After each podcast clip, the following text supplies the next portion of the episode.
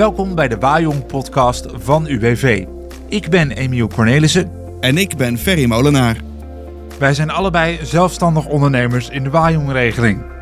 Ik zit in de Wajong-regeling omdat ik vanaf mijn geboorte zeer slechtziend ben en op latere leeftijd ook blind ben geworden. En ik ben vanaf mijn geboorte slechtziend en heb ook een lichamelijke beperking. In deze podcast gaan we op zoek naar antwoorden. Antwoorden op vragen over de Wajong-regeling. Zoals wij zelf hebben ervaren, bestaan er veel onduidelijkheden over de Wajong-regeling en hierin staan we niet alleen. En dat is de reden dat we hebben besloten om deze podcast te gaan maken, in samenwerking met een panel. Dit panel bestaat uit vier leden die je gedurende deze serie zal gaan horen. Deze mensen hebben, net als wij, een Wajong van voor 2015. Daarnaast zullen we gaan praten met experts van UWV die ons antwoord gaan geven op deze vragen. Een opmerking vooraf. Wij hebben ons best gedaan om ons bij de feiten te houden. Je hoort mensen van UWV die de regels van UWV uitleggen en toelichten.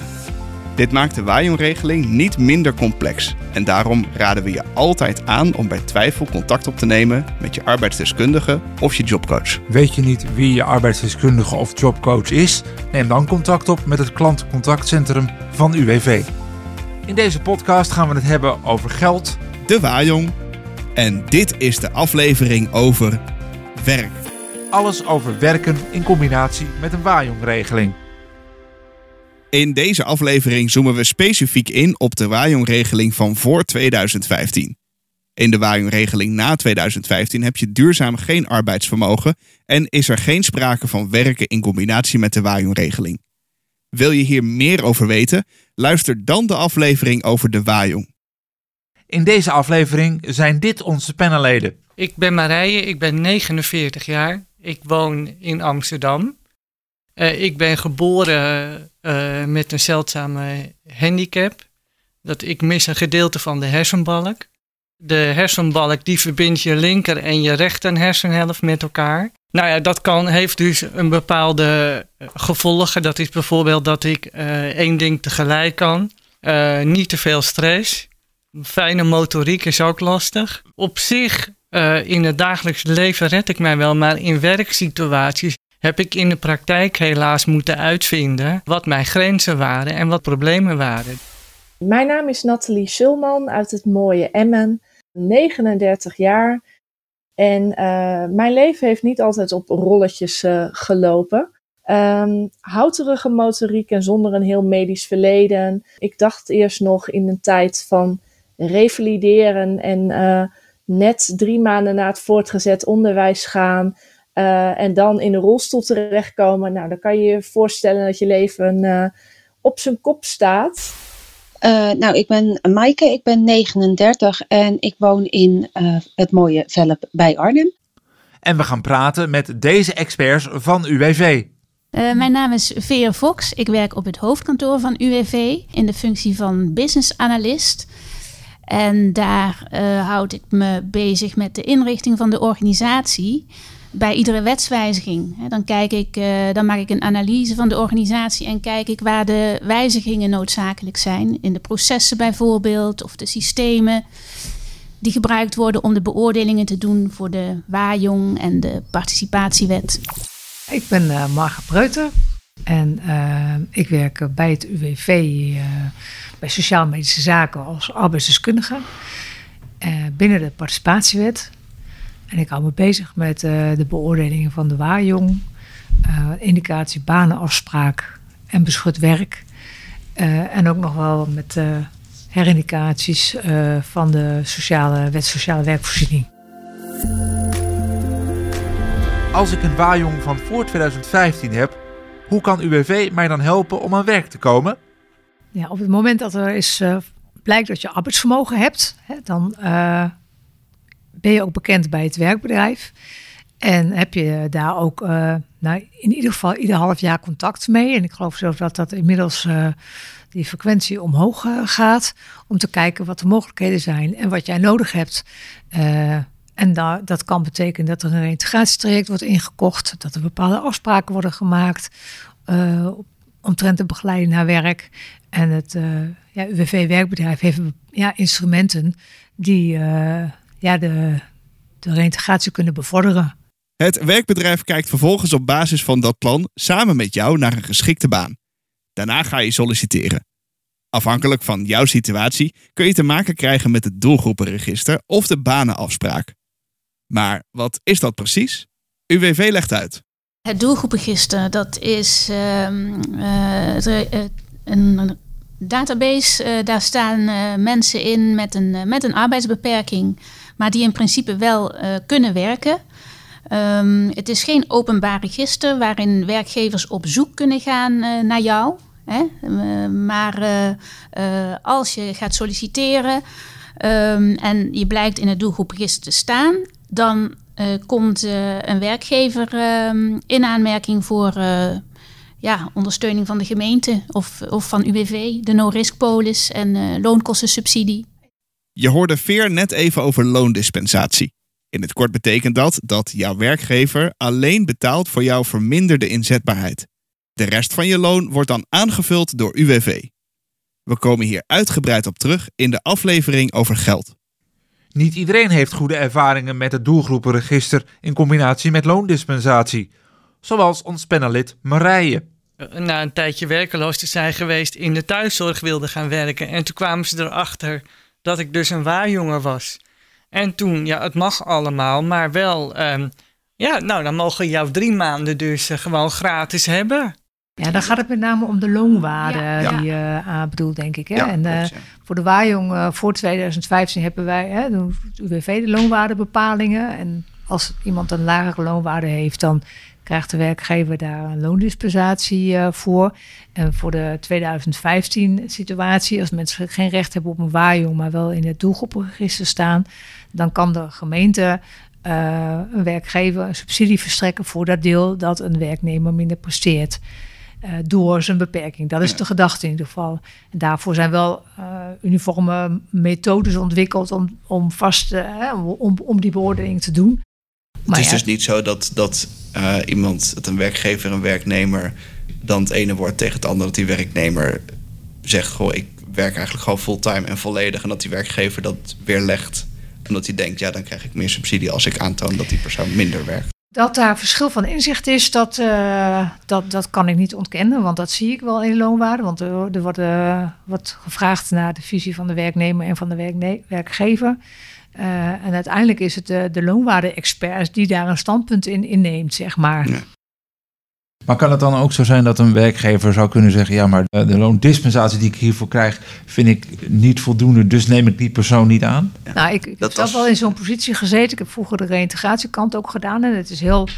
Uh, ja, het is wel een spanningsveld van, uh, want hoe absoluut is zo'n loonwaarde? Weet je, dat is best wel heel uh, lastig vast te stellen. En hoe groot is het belang dat iemand aan het werk gaat? En ja, dat, het is natuurlijk geen harde wetenschap. Dat, uh, dat is wel de praktijk natuurlijk. Het feit dat je in het landelijk doelgroepregister zit, dat is ook wel een misverstand. Dat is ook wel een beetje jammer. Uh, ik, ik, weet zelfs dat er in cao's bepaalde loonschalen zijn opgenomen voor mensen die in het landelijk doelgroepregister zijn opgenomen. Terwijl in beginsel iedereen er zelf, op hetzelfde beloond moet worden. He, de, de, de, de, gelijke beloning die, die is er volgens mij nog steeds. En het feit dat je in het doelgroepregister zit, wil helemaal niet zeggen dat, je, dat wij als UWV hebben vastgesteld dat je het wettelijk minimumloon niet kunt verdienen. Want er zijn verschillende redenen waarom je in dat doelgroepregister zit.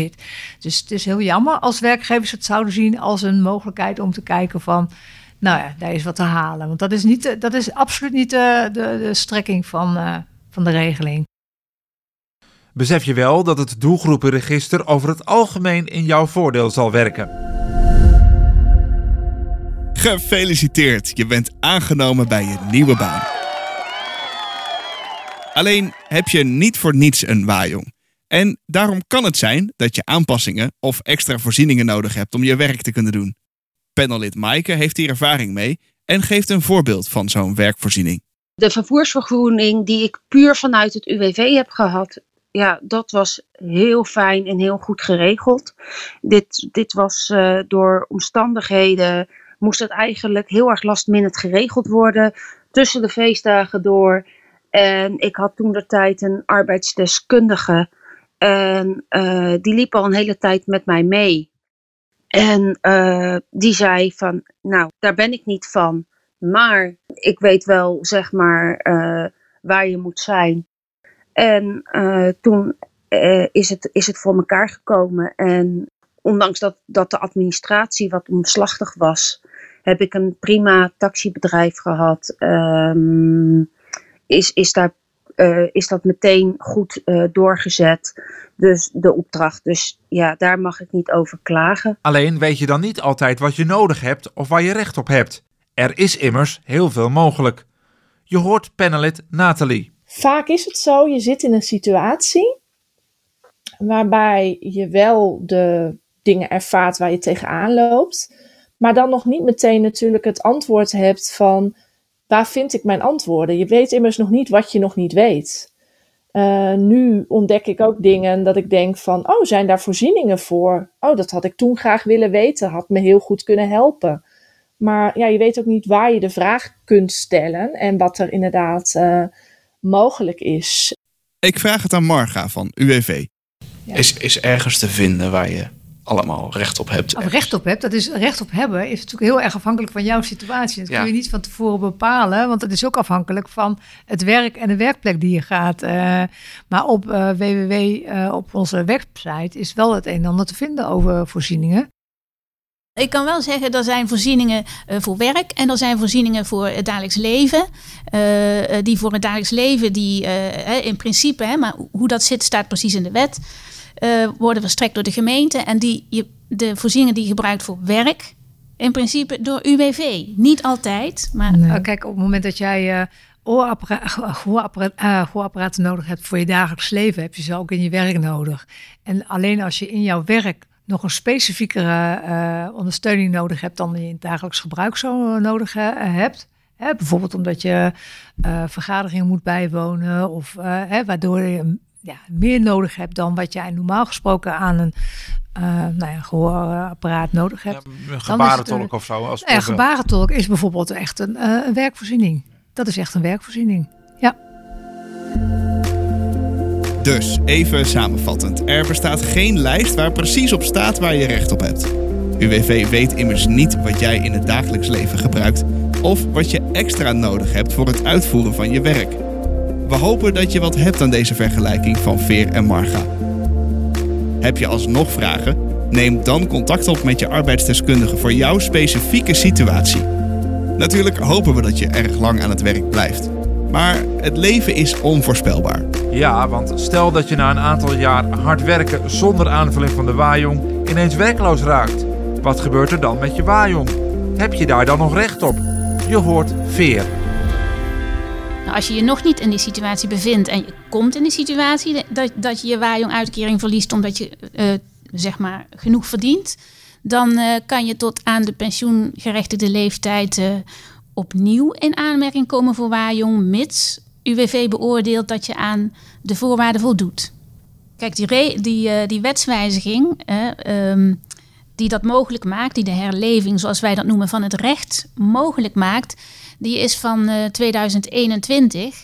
En daarvoor gold uh, een termijn van vijf jaar. Hè? Dus als jij je uitkering uh, vijf jaar lang niet had, dan kon die binnen die vijf jaar worden herleefd. Nou, die vijfjaartermijn is losgelaten, maar pas in 2021. Dus als je voor 2016 al in die situatie zat, dan kan dat waaijongrecht nu niet meer herleven. Maar in principe wordt een waaijong uh, niet uh, beëindigd als je, uh, als je nog maar drie maanden werkt. Dan wordt het verrekend. Pas als je langer hebt aangetoond dat je volledig het werkminimumloon verdient of meer, dan wordt de uitkering misschien beëindigd. En als je in zo'n situatie komt en later krijg je, je, je gaat bijvoorbeeld in loondienst werken en je, nou ja, verliest je baan. Alleen omdat bijvoorbeeld de, ja, er is een reorganisatie en jij bent een van de ongelukkigen die je baan kwijtraakt. Dan wil dat niet onmiddellijk zeggen dat je weer recht op een waaijong-uitkering hebt, omdat je je baan kwijt bent. Tot zover deze aflevering van de Waaijong podcast. Heb je vragen over deze podcast, dan kan je contact opnemen met de afdeling communicatie van UWV. Dat kan via e-mail naar contentapenstaartje.uwv.nl. Heb je vragen over je persoonlijke situatie naar aanleiding van deze podcast? Plaats dan een bericht in je werkmap op mijnuwv.nl of bel met het klantcontactcentrum op 088 898 9294. Deze podcast werd gemaakt door Ferry Molenaar, de podcast creator, en Emiel Cornelissen van Just for Audio in opdracht van UWV.